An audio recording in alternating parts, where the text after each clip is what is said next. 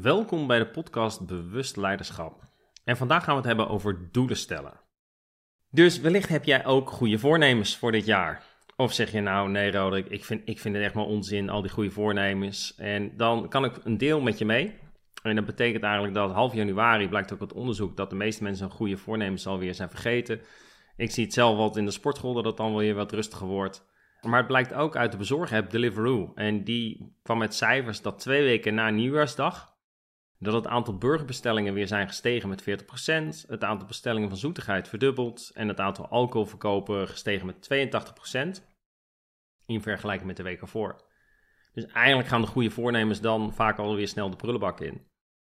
En voor mij ben ik ook niet zo van de goede voornemens, maar wel van doelen stellen. En daar gebruik ik elke vakantie voor. En ik zal het zo meteen later ook verder toelichten. Dus ik ben benieuwd, stel je doelen en behaal je die doelen dan ook? En belangrijk, eh, belangrijker nog, evalueer je ook op die doelen. Wat ik heel vaak terugkrijg is dat mensen wel doelen stellen, maar er niet zulke goede ervaring mee hebben. Vaak, ja, dat heb ik al zo vaak gedaan, het werkt niet. En uh, wat ik dan vaak terugkrijg zeg, ja, ik heb te weinig actie ondernomen, ik zat niet in de flow, uh, ja, het ligt gewoon aan mezelf. Uh, excuses komen natuurlijk, ik heb geen tijd, of er zit iets op, twijfel, afleiding, geen focus, ik ben te moe, eh, er komen allerlei dingen, vaak excuses. En dit motiveert natuurlijk niet. En wat er dan eigenlijk gebeurt, is zeker als mensen het doelen niet behalen, dat ze dan dat risico niet willen nemen. Vanuit angst om te falen. Nou, in deze podcast deel ik een aantal sleutels met je waardoor het wel lukt. En je weet vast wel dat je doelen moet opschrijven, dat dat heel handig is. En dat je ze ook positief moet formuleren. Nou, dat zijn een aantal fundamentele dingen die eigenlijk altijd terugkomen. En vanuit de gedachte, overal waar je op focust, waar je focus naartoe gaat, dat groeit. Alles wat je aandacht geeft, groeit. Op het moment als ik een doel opschrijf en ik ga ervoor, dan gaan mijn hersenen, uh, die gaan daar ook uh, zich op richten. Zo heb ik het zelf altijd ervaren dat ik, nou, tot de tijd dat ik kinderen kreeg, uh, zag ik nooit een kinderwagen. Tot het moment dat mijn vrouw had gezegd, nou jij mag de kinderwagen uitzoeken. Dus toen had ik mijn focus op de Bugaboo. Nou, het maakt niet uit waar ik was. Of ik nou in Engeland was of in Amsterdam of waar ook. Ik zag overal kinderwagens. Want mijn focus ging daar naartoe. En dan is het een kwestie van tijd dat je het ook gaat realiseren. Maar daar kom ik later op. Een ander heel belangrijk punt bij doelen stellen waar we vaak niet bewust van zijn, is dat op het moment dat je doelen stelt, zeg je eigenlijk onbewust tegen jezelf dat je ontevreden bent over waar je nu staat. En dat is meteen weer de drive om in beweging te komen. Ik heb al eens eerder verteld, alles wat we doen, doen we vanuit pijn en plezier. Dus we moeten pijn ervaren om uh, in beweging te komen. Of we gaan in beweging komen omdat we dan denken meer plezier te krijgen. We doen ook meer om pijn te vermijden dan plezier op te zoeken. Dus we doen meer om te zorgen dat we 50 euro niet verliezen dan om 100 euro te winnen. Blijkt uit onderzoek. En als je dus in je comfortzone zit, dan is er geen drive, dan is er geen energie. En dit is voor veel mensen een valkuil. Ook voor de mensen die succes hebben, die gaan feesten. En dan komt eigenlijk een honger gaat weg, een drive gaat weg. Wat je nou wel of niet beseft, we hebben allemaal doelen.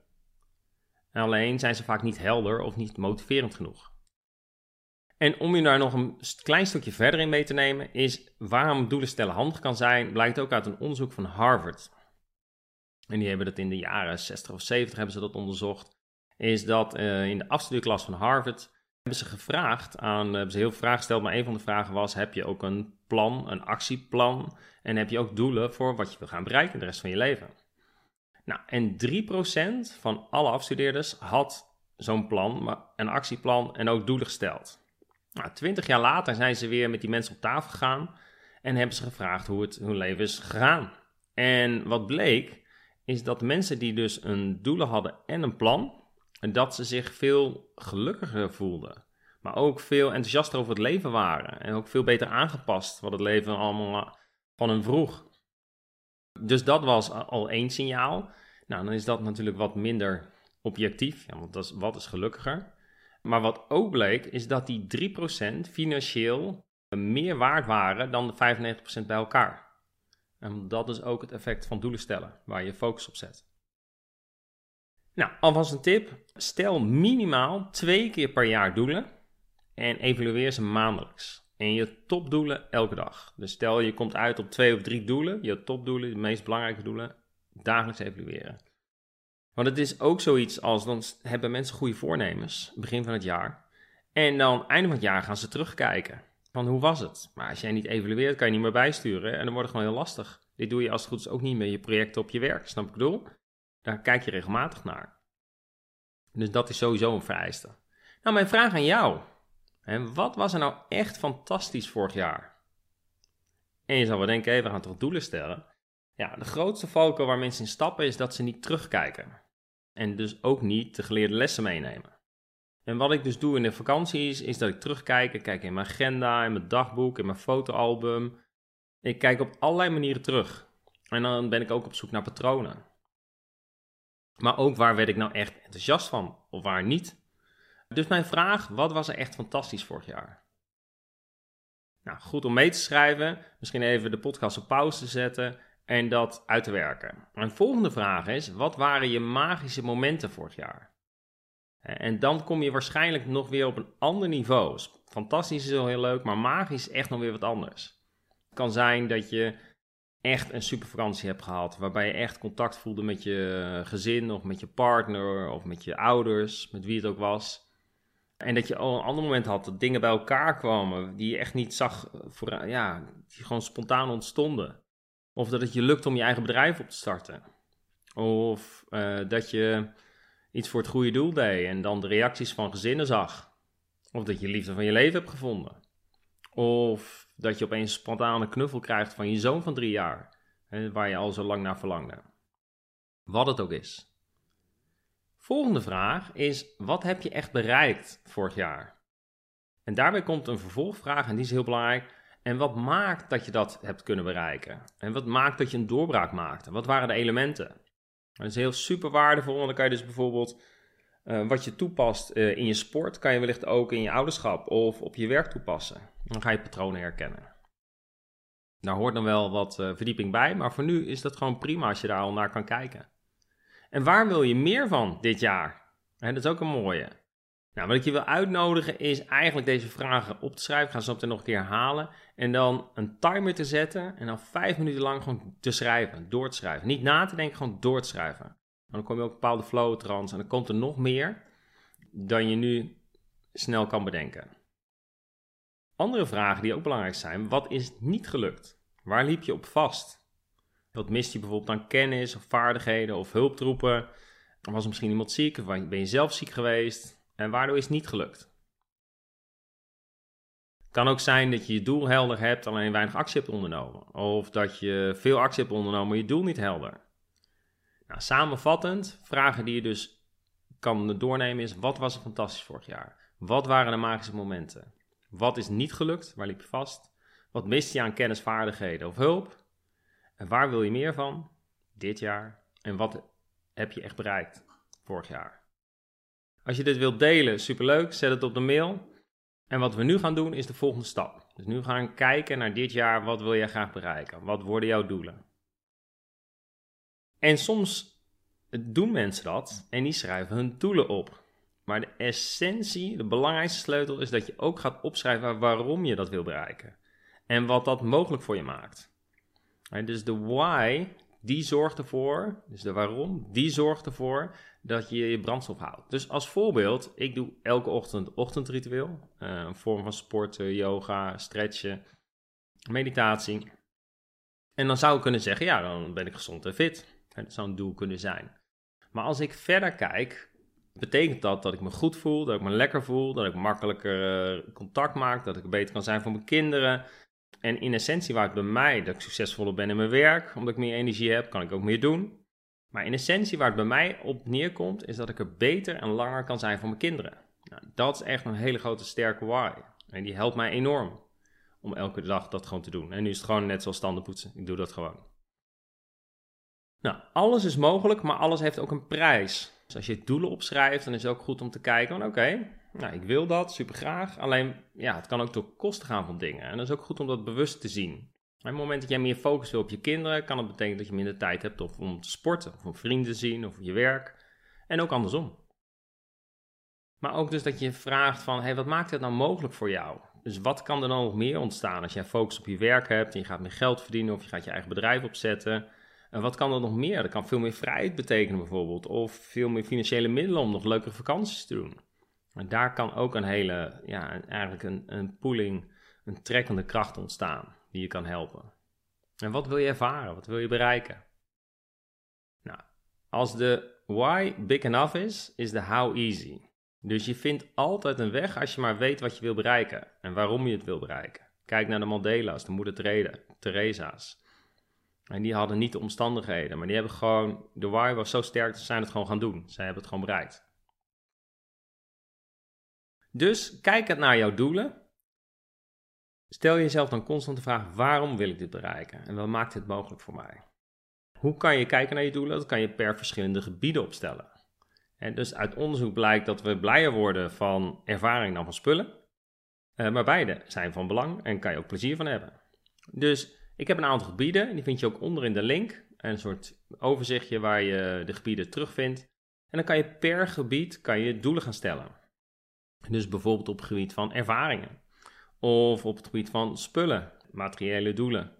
Uh, schatkist, hè, wat wil je financieel? En welke financiële doelen? Misschien wil je nog leningen aflossen. Of wil je juist een spaarbuffer hebben? Of wil je opbouwen voor je pensioen? Tijd, hoe wil je omgaan met tijd? tijd is natuurlijk een heel belangrijk uh, onderdeel in ons leven. Heel veel mensen ervaren tekort tijd. Nou, hoe kan je weer tijd winnen? Door uh, boodschappen te laten bezorgen, enzovoort, enzovoort. Volgende eh, gebied is bijvoorbeeld werk, carrière, je missie. Wat wil je op die gebieden bereiken? Wat zijn dan je doelen? En als laatste een bijdrage. dus het blijkt op het moment dat je niet alleen bezig bent met jezelf, maar ook met anderen, dat het meer vervult. Dus op welk stuk wil jij bijdragen? En op welke manier wil je bijdragen? Een goed doel of vrijwilligerswerk, wat het ook is. Dus op het moment dat je de sheet hebt gedownload en je hebt doelen gesteld, dan is het dus goed om per doel de waarom goed op te schrijven. En volgens ook te kijken hoe voel je je nou bij? Word je hier nou echt enthousiast van? Als je niet enthousiast wordt, moet je het gewoon nog een keer doen. Ga je het weer opnieuw doen. En waarom ben je dus echt gecommitteerd om deze doelen te halen? Schrijf een paragraafje over. En wat betekent dit voor jou? Hoeveel plezier ga je ervan hebben? En hoe gaat het voor je zijn? Niet alleen voor jou, maar ook voor je dierbaren in je, in je leven. Mooi om naar te kijken. Ander belangrijk stuk is dat uh, niet succesvolle mensen baseren of maken eigenlijk keuzes in hun leven op basis van een huidige situatie. En succesvolle mensen maken keuzes op basis van waar ze willen zijn. Dat is een wereld van verschil. Als jij alles refereert aan het verleden en je bent daar niet zo succesvol geweest, ja, dan wordt het gewoon heel lastig om uiteindelijk wel succesvol te zijn. Dus dat is nog een tip die ik je graag mee wil geven. En dat zie je ook bij doelen stellen, dat heel veel mensen het ook lastig vinden. Om, wat wil ik dan eigenlijk? Dus als je in die staat bent om doelen te stellen, ik zeg altijd maar, wees dan een klein kind. Een klein kind die kan als geen ander doelen stellen. En die geef je een, een boek met, uh, met speelgoed en die weet precies, ja, ik wil uh, twee Playstation, ook even voor mijn broertje. En die kunnen dat gewoon verzinnen. Dus ga terug in dat gevoel, dat je een kind was en dat je gewoon doelen stelt. En laat je daarin dus ook niet beperken. Durf te dromen. Een ander stuk is, is, op een gegeven moment kom je in een dilemma met doelen. Welk doel wil ik dan? Enzovoort. Het kan best wel een, wat raar of een wat groots doel. En je denkt, ja, ga ik dat wel doen? Is dat wel, het kost wel veel geld of wat het ook is. Welke gedachte je daar ook bij hebt. Nou, het is goed om in de wiebelstoel te gaan zitten en te denken alsof je 80, 90 jaar bent. En dat je jezelf dan afvraagt, wat zijn nou de kosten als ik dit doel niet heb geformuleerd, als ik dat niet heb behaald? Hoe kijk ik dan terug op mijn leven? En wat wil ik dan? Wil ik dan dat liever dan dat? En dat is vaak heel erg helpend, want dan haal je eigenlijk de pijn en plezier nog een keer op, maar ook vanuit de toekomst. Ze heeft mijn vader bijvoorbeeld spijt gehad dat hij niet is gaan reizen naar zijn studie.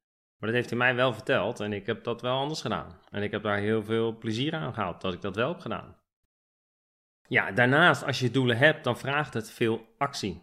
En ook om je doelen smart te maken. Dus specifiek, meetbaar, acceptabel, realistisch en tijdgebonden. En dus wat is je doel en per wanneer moet het behaald worden? Belangrijk ook proces van doelen stellen, opschrijven, dat je druk creëert, dat je pijn creëert en dan dat je het ook echt gaat visualiseren.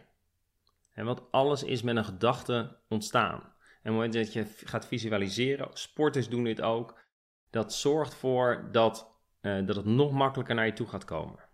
En wellicht helpend en ook belangrijk om te zien is dat jouw doelen, next level in je doelen, dat het voor iedereen anders is. Dus wat is het voor jou? Wat wil jij ervaren?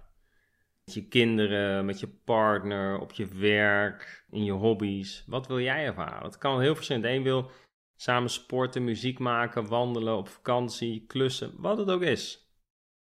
Onthoud dat altijd goed. Dus voorkom dat je gaat vergelijken.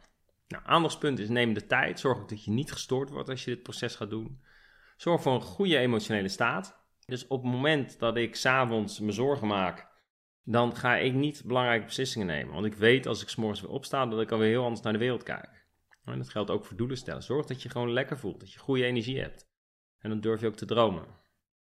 En als laatste, en die is heel belangrijk, op het moment dat je doelen hebt gesteld, en maak dan topdoelen en zorg dan, twee of drie, die echt je volledige focus hebben, ook niet meer, want dat is niet realistisch, te veel doelen.